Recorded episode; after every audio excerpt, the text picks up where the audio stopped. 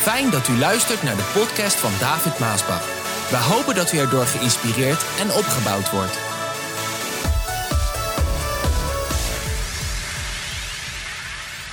Alexis de Tocqueville. Heb je daar wel eens van gehoord? Denk het niet, ik kende hem ook niet. Maar dat was een Franse aristocraat, een politiek fi- filosoof, een socioloog, een historicus en een staatsman, een Franse, uit 1800. Dus dan praat je over 200 jaar geleden. Eh, En dan toch wel zo'n, ja, mm, iemand, zou je eigenlijk willen zeggen. Hè? En hij waarschuwde voor de democratische schaduwzijde. Het was 1800 dat de democratie in Europa begon te ontwikkelen. En Amerika was daar al een voorloper van. Altijd wel geweest in de democratie. Zo hij ging ook naar Amerika om, om dat soort leef, eh, regeringsstijl, leefwijze van mensen, de democratie, om dat te onderzoeken. Nou, dat, en dan moet je natuurlijk zo iemand zijn zoals een historicus, socioloog en dergelijke, om dat dan te kunnen. En toen hij terugkwam in Europa, waar dat eigenlijk in de kinderschoenen stond en op begon te komen, is dit wat hij leerde. Dit is wat hij zag vanuit Amerika aangaande de democratie, die ook hier dus werd eh, ingevoerd, zou je eigenlijk willen zeggen. Hij leerde vrijheid en gelijkheid staan op gespannen voet met elkaar. Horen we vandaag ook. Een te grote vrijheid gaat ten koste van de gelijkheid en andersom. De tirannie van de meerderheid kan minderheden verdrukken, waardoor die hun toevlucht zoeken in geweld.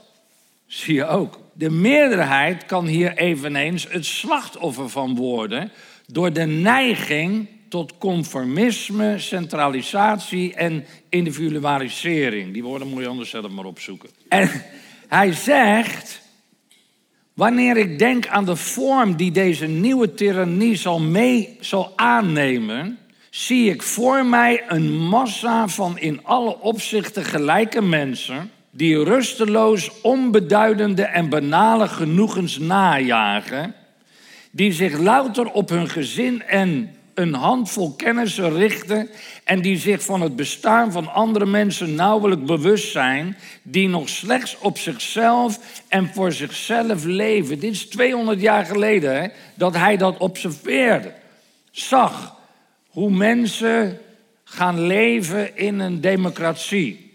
Boven deze geïndividualiseerde massa troont een bevogend machtsapparaat, regering en overheid, dat over het wel en wee waakt, dat alles voorziet en alles regelt, maar dat de mensen in een staat van onmondigheid houdt. Het garandeert de burgers een veilig en verzorgd bestaan. Ze doen niks anders. Maar staat erop zelf uit te maken wat goed is voor hen. Hallo, ik, toen ik dit las, dat ik dacht, iemand die dat 200 jaar geleden schreef. En zo zullen de mensen steeds minder gebruik maken van hun eigen oordeelskracht. De individuele wilskracht zal op zich een steeds beperkte terrein laten terugdringen. Dat is eigenlijk wat, wat, wat gebeurt. Hè? Onze eigen wilskracht wordt, wordt teruggedrongen. De overheid zal de samenleving in een net spannen van ingewikkelde, gedetailleerde en eenvormige verordeningen, waardoor zelfs de meest originele en wilskrachtige geesten zullen worden gelijkgeschakeld. Allemaal gelijk. Alles gelijk maken. Men zal mensen tot niets dwingen, maar men zal zoveel belemmeringen aan de persoonlijke activiteiten opleggen dat uiteindelijk elk initiatief uitdooft.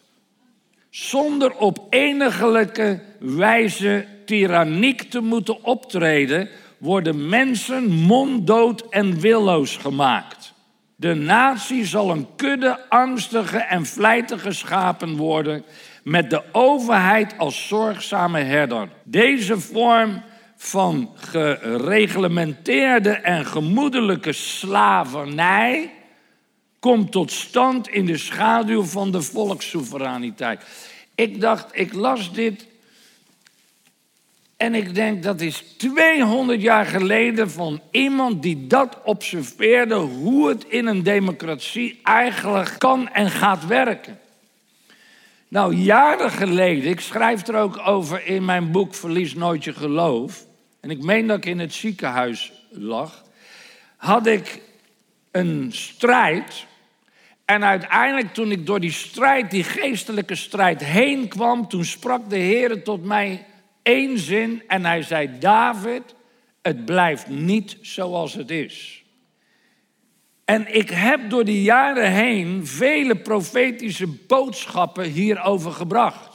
Voor degenen die hier al een tijd komen of kijken via de livestream, die weten dit. Vooral de laatste tijd. Veel hierover gesproken. En het zijn ook van die profetische dingen die de Heer gezegd heeft. Als je opmerkzaam bent geweest, dan weet je het. En als we naar de toestand in ons land kijken en in het licht van die Alexis die deze dingen voorspeld, zou je bijna zeggen, geprofiteerd, gesproken heeft, 200 jaar geleden, en in het licht van de boodschappen die ik de laatste tijd gebracht heb, kunnen we inderdaad zeggen: het is niet meer zoals het was. Wij worden in Nederland steeds meer slaven van de overheid. En de overheid wordt steeds meer een slaaf van Europa. We beslissen maar weinig meer in ons eigen land, want telkens schuilen ze achter de wetten van Europa, die ons allerlei wetten oplegt, omdat we nou eenmaal in Europa zitten, vastgeketend. In het licht van de Bijbel heb ik ook gezegd een tijd geleden dat de glorie van God is uit Nederland geweken. Als u het kan herinneren. En dat Nederland is ver afgeweken van Gods normen en waarden en regels en wetten. Lieve mensen, ik, als ik deze dingen zeg, ik vind dit verschrikkelijk. Ik, Misschien denken sommigen dat ik deze dingen graag zeg, maar ik vind het altijd weer verschrikkelijk als ik die dingen moet zeggen. En ik moet zeggen, ik vind het soms ook vervelend dat ik het moet zeggen. Want liever heb ik alleen maar veel goed preken. Waar je lekker kan voelen. En blessed kan voelen. Heerlijk. Amen, amen. En de hele gemeente staat op zijn kop. Bij mij zijn de meesten vaak muisstil. Ik kan er niks aan doen. Maar het zijn de dingen die ik moet zeggen, niet uit mijzelf. Waarom zeg ik ze? Niet uit mijzelf, het is de geest Gods die het telkens weer neerlegt. En aan het volk vertelt. En dan niet zozeer aan de goddelozen, daar strekken we ons uit met beide armen en zeggen: bekeer je toch, God houdt van je. Maar het is de kerk. Het zijn de christenen tot wie God telkens weer zegt en spreekt. Ik vind het verschrikkelijk dat ik het moet zeggen waarom ik hou van Nederland. Ik hou van Nederland. Nederland is mijn thuisland. Luister, ik ben over de hele wereld ben ik geweest. Heel veel landen. Ik heb heel veel landen meegemaakt, heel veel volkeren, heel veel regeringsstijlen. En altijd als ik dan weer terugkwam in Nederland, dacht ik: Och, Nederland. Wat een prachtig land. Wat een prachtig land hebben wij de wegen, de bruggen, de grachten. Als je dan van Schiphol net instapt, je komt van zo'n land vandaan, je stapt in je auto, de weilanden, de koeien, de schapen die je dan ziet. De fietsen die je overal fietsen, fietsen, fietsen. Ik zou je vertellen, het is niet altijd prettig. Maar als je dan van het buitenland komt en je komt binnen en je ziet al die fietsen, dan denk je, oh prachtig. De tulpen, de molens. Je ziet het allemaal weer als je terugkomt in je land van buitenaf. Maar de meesten zien het niet meer, want je leeft er middenin. Maar als je naar heel wat andere landen gaat, en vaak arm, en wegen wat geen wegen zijn, en bruggen wat geen bruggen zijn. En je ziet het allemaal in Nederland. De molens, de boeren, de boeren op hun klompen, de tractors. En je ziet de bewegingen, de gezelligheid. Dat heb je alleen in Nederland, dat woord. Gezelligheid, dat is niet te vertalen. Er is geen vertaling voor gezelligheid, dat hebben we alleen in Nederland. Lieve mensen, dan is Nederland gezellig. En dan is Nederland prachtig. En dan geniet ik van ons land en dan denk ik, och heren, wat ben ik geblest dat ik in Nederland mag wonen. Wat een mooi land is Nederland ten opzichte van de meeste landen in andere werelddelen. Echt waar. Maar Nederland is ook diep gezonken in de zonde. En het oordeel kan niet uitblijven. Dat is wat de Bijbel ons leert. En toch heb ik het idee dat met de boodschappen die ik ook breng, het woord wat uitgaat, die waarschuwende boodschappen, en ik laat je vertellen, die worden tienduizenden keren bekeken en beluisterd via de social media kanalen. Dus het vindt zijn weg in ons land. En dan heb ik het idee dat ook met de boodschappen van de laatste tijd, waarop toch veel kinderen God zich bekeren of opmerkzaam zijn, dat wij het oordeel daarmee kunnen uitstellen.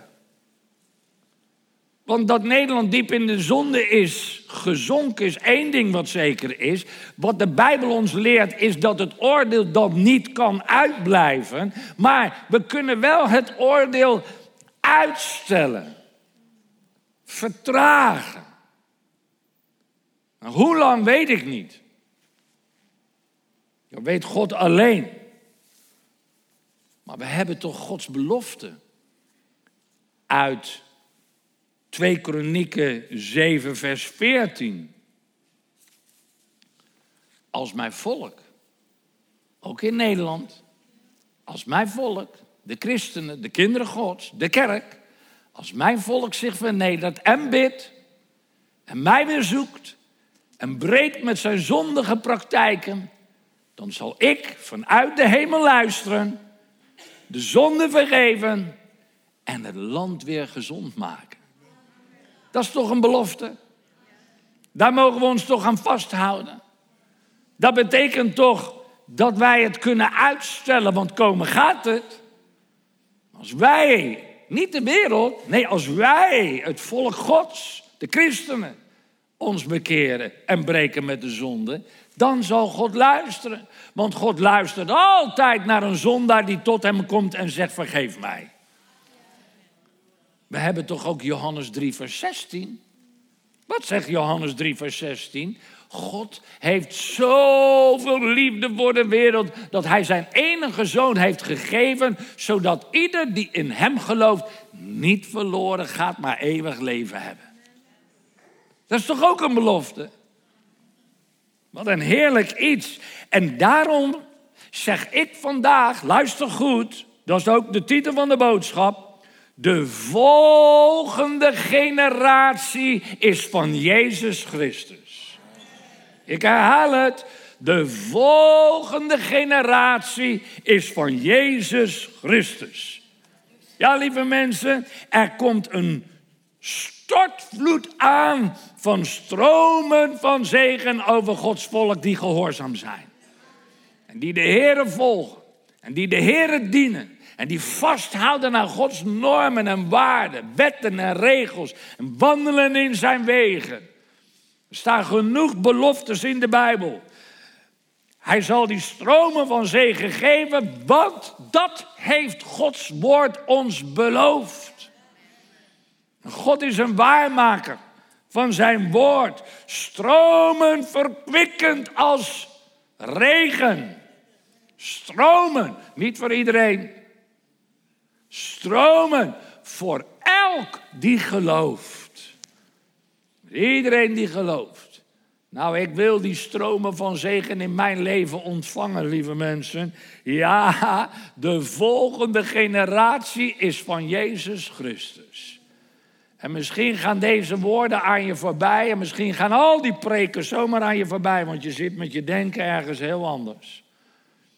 Maar ze zijn uitgesproken en God zal het doen. En ieder wiens hart volkomen naar hem uitstaat, zal de Heer vinden.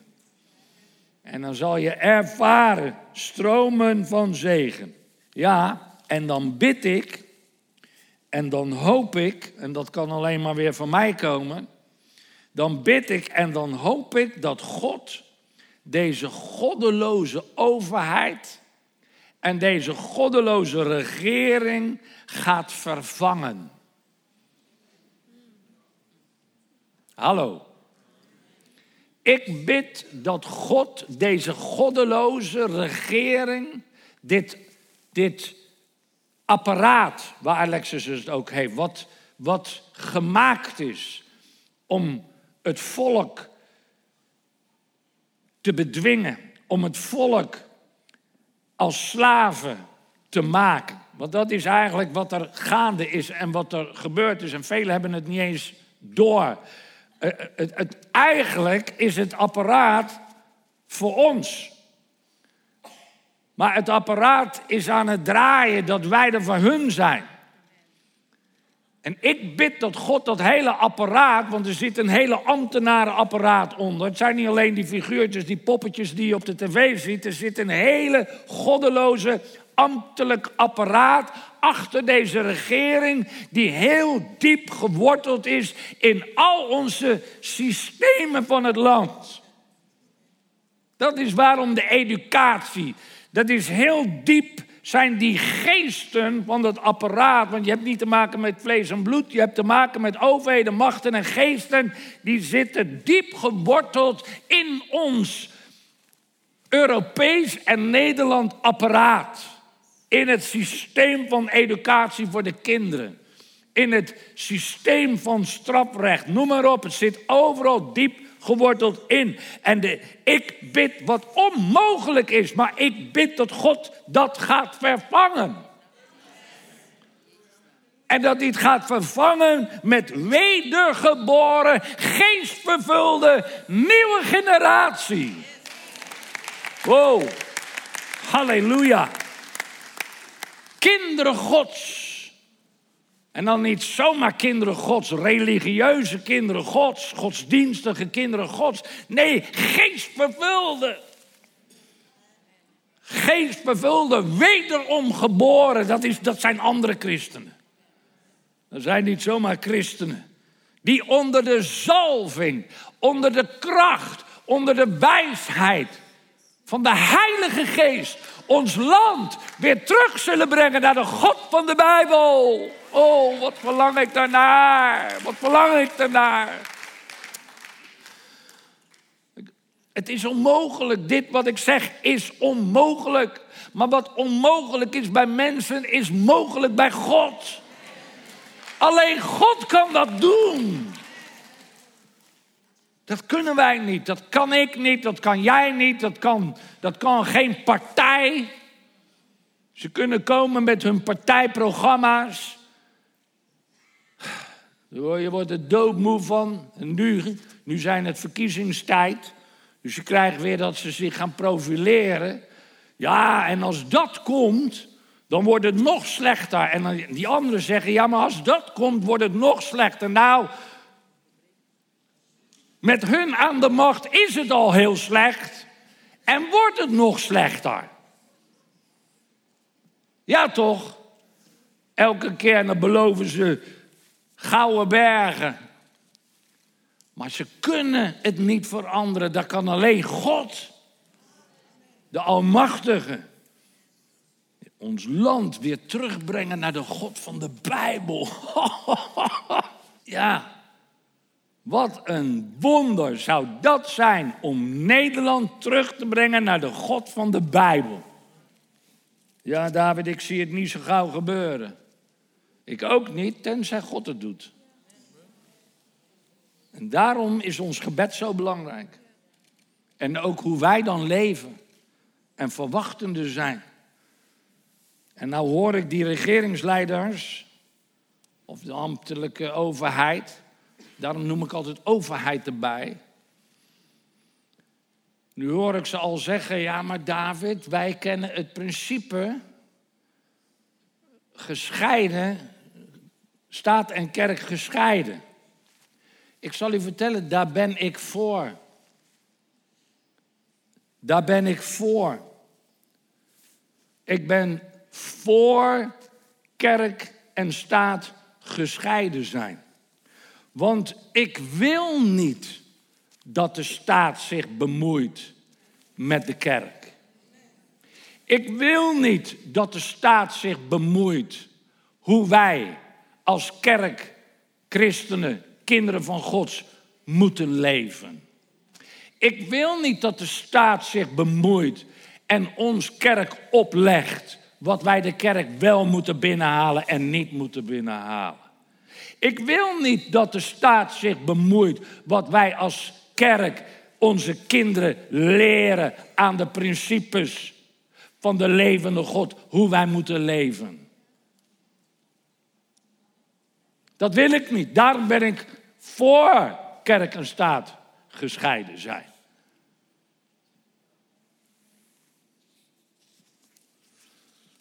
Ja, maar dan hoor ik sommigen al, ja, daar zit ook wel wat in.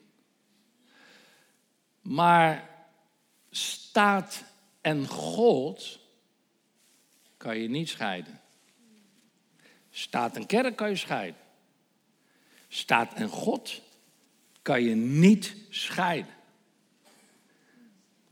Want zo hoort het niet te zijn dat de staat en God gescheiden zijn.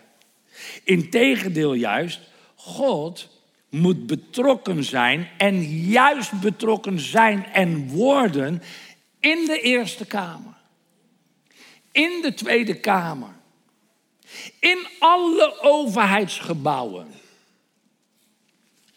in de rechtshoven, in de provinciehuizen, in de stadhuizen, in het torentje, in het katshuis, in de ambtswoningen van de burgemeester.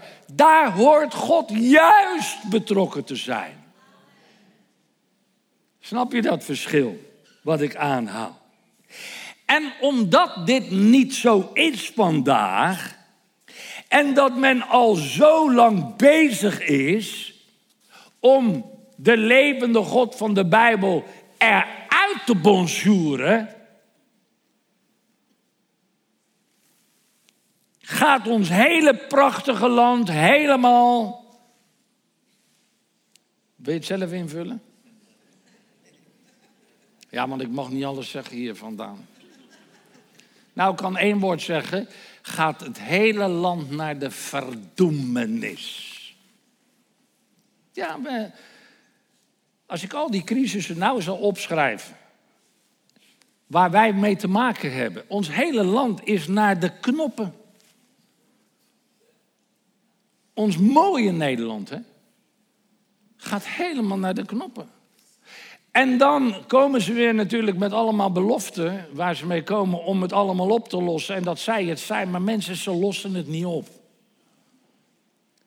Het zal alleen nog maar slechter worden. Het zal alleen nog maar moeilijker worden. Wie er ook komt, met welke beloften ze ook komen. Wat snak ik ernaar? Naar die verandering. Van hoe het nu allemaal gaat. Wat Alexis eigenlijk al 200 jaar geleden had voorspeld. Wat de Bijbel ook al op vele plaatsen heeft gezegd, waar ik over gesproken heb. Oh, die, dat politieke gehuigel. Dat politieke bedriegen van het volk. Dat verdraaien, dat gekonkel, weet je wel, waardoor je gewoon, ja kijk, weet je wat het is? Als je nou totaal niet geïnteresseerd bent en denkt, nou ja, het zal allemaal wel, oké, maar dan ben, je, dan ben je gewoon een makschaap dat met, allemaal, dat met alle dingen meegaat. En uh, ja, voordat je het weet, uh, krijg je een ring door je oor, een ring door je neus en ben je gewoon een slaaf. En moet je gewoon doen, want zij bekonkelen alles wat jij verdient en hoe het gaat. En dat wordt alleen maar meer. Dat is wat de Bijbel ook gezegd heeft. Alleen, er zijn geesten die dit zien. En zeker aan degene die God het openbaart en die Gods volk waarschuwen. Want heeft God dat ook niet gedaan bij zijn volk Israël? Dat hij zei: Doe dat nou niet. Als je mij dient, zal ik je bewaren. Maar, maar wijk je af van mijn wegen, dan geef ik je over en dan zullen jullie slaven worden van de vijand. En hoeveel keer is dat niet gebeurd? Maar lieve mensen, dat is in ons Nederland ook. Vandaag. En ik word dan van Gods wegen, word ik. Ja, ik kan daar niet over zwijgen. Ik moet die dingen zeggen. Gods volk moet het weten. Zodat ze een keuze kunnen maken en nooit kunnen zeggen: Maar de Heer, Heer, ik heb het niet geweten. Als u het mij gezegd had, dan had ik daar wat aan gedaan. Ik snak naar een vernieuwing. Een nieuwe generatie die Jezus Christus toebehoren. Oh, wat snak ik naar een nieuwe generatie jonge mensen, vooral jonge mensen, die Jezus Christus toebehoren. En zeker als de Heere God op een wonderlijke wijze, en hij heeft veel wonderen. Ik bedoel, hij gebruikte een klein steentje om die grote reus te vellen. Hij gebruikte de wind. Hij blies de wind en er kwam een heel pad waar geen pad was door de zee. God is een God van wonderen. Wat snak ik ernaar? Dat die hele goddeloze regering vervangen zal worden door geestvervulde, wederom geboren, nieuwe generatie die geen compromissen maakt. Met al die goddeloze dingen waarvan we weten dat is niet goed. Helemaal niet met D66. Eh, heb ik het toch weer gezegd. Ja. Een nieuwe generatie geestverbeulde kinderen Gods die hun rug recht houden, zoals Sadrach, Messach en Abednego. En durven staan en zeggen, onze God kan ons bevrijden. Aan ons land, hè? regeringsleiders. Onze God kan ons bevrijden. Doet hij het niet, dan nog zullen we niet buigen. Die onvoorwaardelijk, luister, die onvoorwaardelijk achter Israël zullen staan. Want die Israël zegent, zijn een gezegend volk, zegt God. En zal ik zegenen. Durf je dat te zeggen, David? Ja, ik zeg dat, want de Bijbel zegt dat. Die heilig en rein voor het aangezicht van de Heere leven. Die trouw zijn op de plek en de plaats waar de Heer wil dat ze zullen zijn en staan en werken. En niet als het heet onder hun voeten wordt, dat ze dan weggaan. Dat ze hun post verlaten. Hoe slecht is het als je in het leger je post verlaat? En ik vind het heel jammer dat de kinderen Gods zijn, ook hier, die hun taken dan neerleggen. En dan denk ik, wat heeft God jou aangedaan? Wat heb ik jou aangedaan? Dat je je taken voor Hem neerlegt. Want de taak die je had, deed je als aan Hem. Niet voor mij. Je deed het als aan Hem. Je deed het voor zijn lichaam. De Heer riep je, gaf je een taak. En waarom leg je je taken neer? Is het beter geworden dat je je taak hebt neergelegd, dat het allemaal beter is geworden? Ik zou zeggen, haast je. Pak gauw je taak weer op. En werk voor de Heer nu het dag is. Straks kan het niet meer als jij klaar bent. En als jij het wil, dan lukt het niet meer. Werk, zegt Jezus, zolang het dag is. Doe de dingen voor de Heer die je vandaag kunt doen en morgen misschien niet. God heeft jou niks aangedaan en ik ook niet en de gemeente ook niet. En als je in de knoop ligt met jezelf, kom er dan uit. Blijf niet in de knoop zitten, kom eruit. Zonder je af, zoek het aangedicht des Heren. En dit is die generatie waar ik naar verlang. Dat is een generatie, ik noem ze New Genners ook vandaag. Dat is een generatie, it's all or nothing. Je gaat er helemaal voor. Dat is wat wij nodig hebben. Je gaat er helemaal voor. Misschien vind je het verschrikkelijk als je deze dingen hoort. Uh, dat kan zijn via de social media kanalen. Misschien ben je wel iemand van de regering en je denkt, wat een gek is dat. Nou, we leven in Nederland, je mag vrij zijn om mij gek te noemen. Er zijn er toch velen die dat doen. en dat mag. Ik vind het ook niet erg, je doet maar. Ik ben blij dat ik in vrijheid de boodschap kan brengen die de Heer mij geeft. En je mag mij gek noemen, maar misschien ben je ook iemand in, op religieus gebied, een dominee, predikant of een werker. En dan zeg ik, het is jammer voor jou. Het spijt me, het is jammer voor jou als je dit gek vindt. Het is jammer voor jou als je het zelfs verschrikkelijk vindt dat ik deze dingen zeg. Maar luister, ik werk niet voor de katholieke kerk. Ik werk niet voor de gereformeerde kerk. Ik werk niet voor de hervormde kerk. Ik werk niet voor de protestante kerk. Ik werk niet voor de Joden. Ik werk niet voor de evangelische kerk. Ik werk voor de almachtige, levende God. En zijn zoon, Jezus, is mijn baas. Daarom zit ik nergens aan vast. En kan ik zeggen, zoals de Heer mij het geeft om te zeggen, ik zit niet vast aan een orgaan, denominatie, kerkenraad, noem het maar op, waar ik dan verantwoording af moet leggen, waar ik moet dimmen en niet kan zeggen wat de Heer in mijn hart geeft om te zeggen. Ik kan zeggen wat ik wil zeggen, omdat de levende God is mijn baas. En hij zegt mij wat ik moet zeggen en daarom zeg ik het. Of ik het nou leuk vind of niet, you love it or you hate it. You love it it. Ja, ik weet wel waar de tegenstand van deze boodschappen vandaan komt. En ik zie het ook wel eens voorbij komen, want je hebt, oh man, je hebt allemaal comments uh, op de boodschap. Weet je waar de meeste uh, comments op komen? Welke boodschappen? Over de hel. De boodschappen die ik heb gebracht over de hel. Daar komen de meeste comments eh, vandaan. En sommige comments, daar lusten de honden geen brood van. Maar ik ben blij dat het merendeel van de comments zijn goed.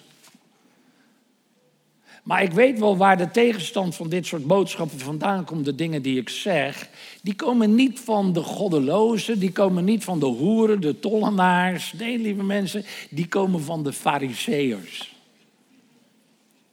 Die komen van de vrome schriftgeleerden en fariseërs van de vrome religieuze mensen. Maar luister, lieve mensen, ik heb geen religie, ik heb Jezus. Hebben we het niet gezongen? Ik heb geen ideologie, ik heb Jezus.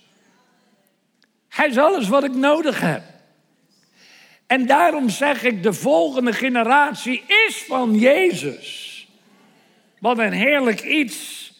Luister, als jij, vooral voor degenen die zich, zeker ook de jongeren, die zich vinden dat jij bij die volgende generatie hoort. Nee, gelukkig hebben we een hele schare jonge mensen. Maar dit is wat zij nodig hebben. Wat hebben jullie nodig? Schrijf het op. Jullie hebben nodig de Pinksterboodschap. Gevat in één woord. Kracht. Dit is wat ik bid vanuit deze plek. Wat hebben jullie nodig? Wat heeft die nieuwe generatie nodig? Kracht. Wat zegt Handelingen 1, vers 8? Jezus zegt, maar als de Heilige Geest op jullie neerkomt, zullen jullie kracht ontvangen om de waarheid, de waarheid, de waarheid over mij te vertellen. Aan de mensen in Jeruzalem, Judea, Samaria en zelfs tot in de verste uithoeken van de wereld. Luister, jonge mensen, er is kracht van God nodig om in te gaan tegen al die boze overheden en machten. Dat gaat niet in je eigen kracht. En dit geldt niet alleen voor ons jonge mensen, ons jonge mensen. Dit geldt ook voor jullie ouderen. Hoe zeg ik dat weer mooi, hè? Wij hebben als kerk de kracht van de Heilige Geest nodig.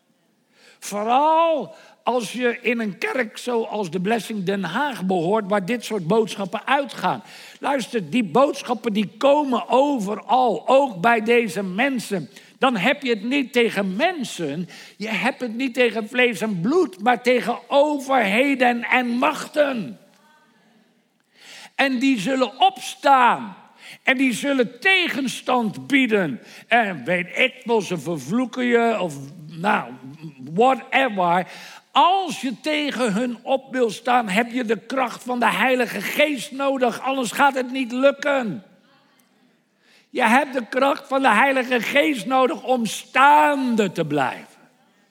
Je hebt de kracht van de Heilige Geest nodig, zodat je niet uiteindelijk door vermoeidheid je taken moet neerleggen omdat de dingen die je doet allemaal in eigen kracht. Er zijn er zoveel die, die, die altijd met hun eigen leven, gezin of huwelijk of familie bezig zijn. Oh, je hebt kracht nodig van de Heilige Geest om daarnaast ook nog God te dienen, de gemeente te dienen, je taak te verrichten zoals de Heer dat wil en dat je niet alleen maar bezig bent met je eigen problemen. Je hebt de kracht van de Heilige Geest nodig om gezalfd te zijn. Dat de woorden doordringen tot in het diepste van de harten van degenen die het horen. Je hebt de kracht van de Heilige Geest nodig om vrijmoedig te zijn. Om echte dingen te zeggen die God wil dat je zal zeggen. En dat je niet zoete broodjes bakt. En van die zalvende woorden, want je wil niemand kwetsen. Luister, je moet ook niet zomaar gaan staan en dingen zeggen omdat je ze kwijt wil. Luister, dat doe ik niet. Ik, luister, ik daag die geesten niet zelf uit omdat ik ze uit wil dagen. Dat doet God. Net als met Rusland. Waarvan de Bijbel zegt, die zal optrekken en die gaat vanzelf niet. Nee, God zal haken in de kaken slaan om ze op te slepen naar Israël. Zodat dat gevecht plaatsvindt en dat God ze kan veroordelen. Kom maar Rusland, kom, kom, kom, kom, kom, kom, kom maar. Maar luister, je moet niet zomaar in eigen kracht. Kom, kom maar, kom maar, boze geest, kom maar, kom maar. Want dan word je net als de zonen van Skevas die naakt de straat op werden geslagen door die boze geest. Je kan niet zeggen, ja, Jezus die ken ik, Paulus heb ik van gehoord, maar in het Engels zeggen ze, who the hell are you? Wie ben jij? Als jij vervuld bent met de Heilige Geest en je gaat staan onder de zalving en de kracht van de Heilige Geest, zullen al die boze machten voor jou wijken zullen ze voor je sidderen. Waarom? Voor jou? Nee. Wie ben jij dan? voor de gezalfde Jezus in jou. Want hij die in mij is, is sterker dan hij die buiten mij is. Hij is bang voor degene die in jou is. En daarom moet jij vol zijn van de kracht van de Heilige Geest. Gaat dat zomaar? Nee, dat gaat niet zomaar. Dan moet je je voor afzonderen. Dan moet je de Heer voor zoeken. Daarom moet je zijn in die atmosfeer van worship. Daarom moet je zijn in die atmosfeer van gebed en gebeden. Leven en wandelen in de geest. Ik ben het eigenlijk zat. Ja, niet mijn leven. Ik hoop nog heel lang met Regina te leven en te genieten van alles wat de Heer ons zal geven, Regina. En dat we mogen genieten van de kinderen en de kleinkinderen, die allemaal de Heer dienen. Door ons genade, Regina, genade. Maar wel ook met een opvoeding die daarbij hoort. Standvastigheid en doorgaan, want voorbeeld doet volgen. Maar dat de Heer ons nog rijk zal zegenen. En zo rijk dat de mensen jaloers zullen worden. Oh ja, daar heb je hem weer. Waar haalt hij het allemaal vandaan? Waar haalt hij het vandaan? En daar komt hij weer. Zie je hem gaan? En dat van mijn geld. Ja, want ik weet hoe mensen praten. Nee, lieve mensen, niet van uw geld. De Heer zal mij de dingen geven. Hij gebruikt mensen die hij in het hart geeft om dingen te doen. Voor zijn knecht. Daar heb ik ook zat voorbeelden van in de Bijbel. Nee, wat ik zat ben, dat zijn die zachte, krachteloze, godsdienstige, religieuze kerken. Daar ben ik zat in Nederland. En die staat vol. Nederland staat vol met, met krachteloze, zachte kerk. Vol met christenen. En dominees en predikanten die alleen maar zalvend preken. En alle mensen kunnen gewoon in hun zonde blijven zitten. Want dat was de fijne dienst, hè? En ze kunnen gewoon in hun zonde verder gaan. Ik zou je vertellen, er zijn daar heel veel van in ons Nederland. En ik ben het zat. Zo'n kerk zal je hier niet vinden. En ik ben er juist voor dat God mij gebruikt, zodat je je soms oncomfortabel voelt. En dat de Heer tegen je zegt, je moet je bekeren. En dat je een keuze hebt. En wees maar blij dat je in zo'n kerk komt. En niet in een of andere kerk waar je je hele leven komt, maar nooit iets verandert in jouw leven. En dat je gewoon in je zonde kan blijven leven. En ook in je zonde naar de hel gaat. Het zijn diezelfde mensen en die heb je ook in die dagbladen. Je hebt ze ook op die, in, in de partij. Je hebt ze ook op de televisie, die uh, zuilen, die stromingen, waar die C voor staat, waar we het over gehad hebben. Dat zijn diezelfde mensen die tegen Jezus zouden zeggen: Zeg Jezus, kan je nou niet wat aardiger zijn tegen die Fariseërs? Kan je niet nou wat, wat vriendelijker tegen hun zijn? Kan je niet gewoon. Het zijn diezelfde mensen die tegen Mozes zouden zeggen: Mozes, joh, kan je nou niet gewoon met diegene die dat gouden kalf hebben gemaakt, gewoon. Maak een akkoordje of zo, weet je wel. Geen, niet zo hard, geen ruzie, gewoon. Liefde. Liefde, want God is een God van liefde. Die houdt ook van die mensen. Ik, ik ken deze taal, man. Ik ken het, ik ken het, ik ken het. Het zijn diezelfde mensen die tegen Elia zouden zeggen ten opzichte van die Baalpriesters. Joh, Elia, kan je niet gewoon samen, samen.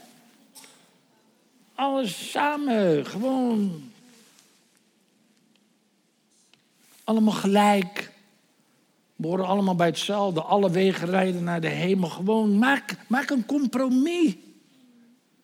Dat, dat zijn dat soort mensen en dat soort christenen. En Nederland zit er vol van.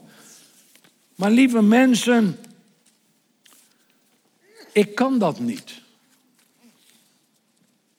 Wij horen dat niet te kunnen. Niet omdat we het niet mogen, wij willen dat niet.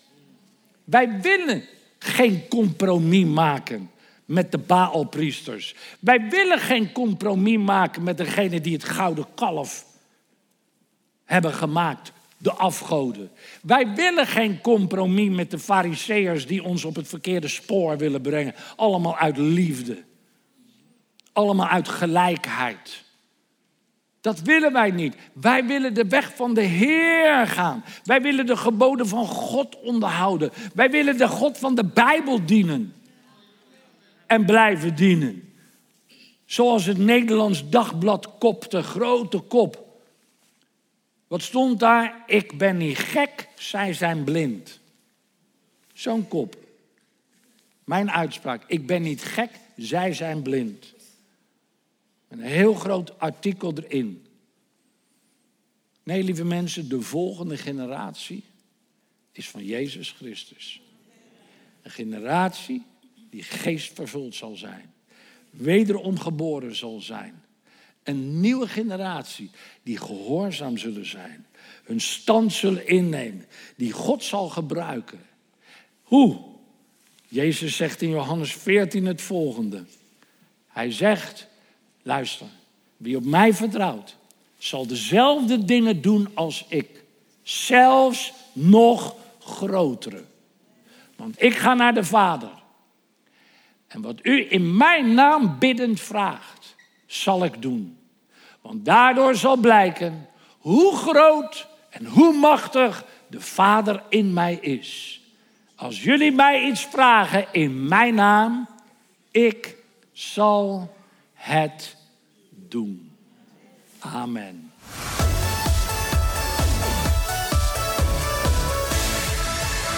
Bedankt voor het luisteren naar deze podcast. Wilt u meer preken beluisteren? Ga dan naar message.maasbachradio.com. Bezoek ook eens onze website www.maasbach.nl.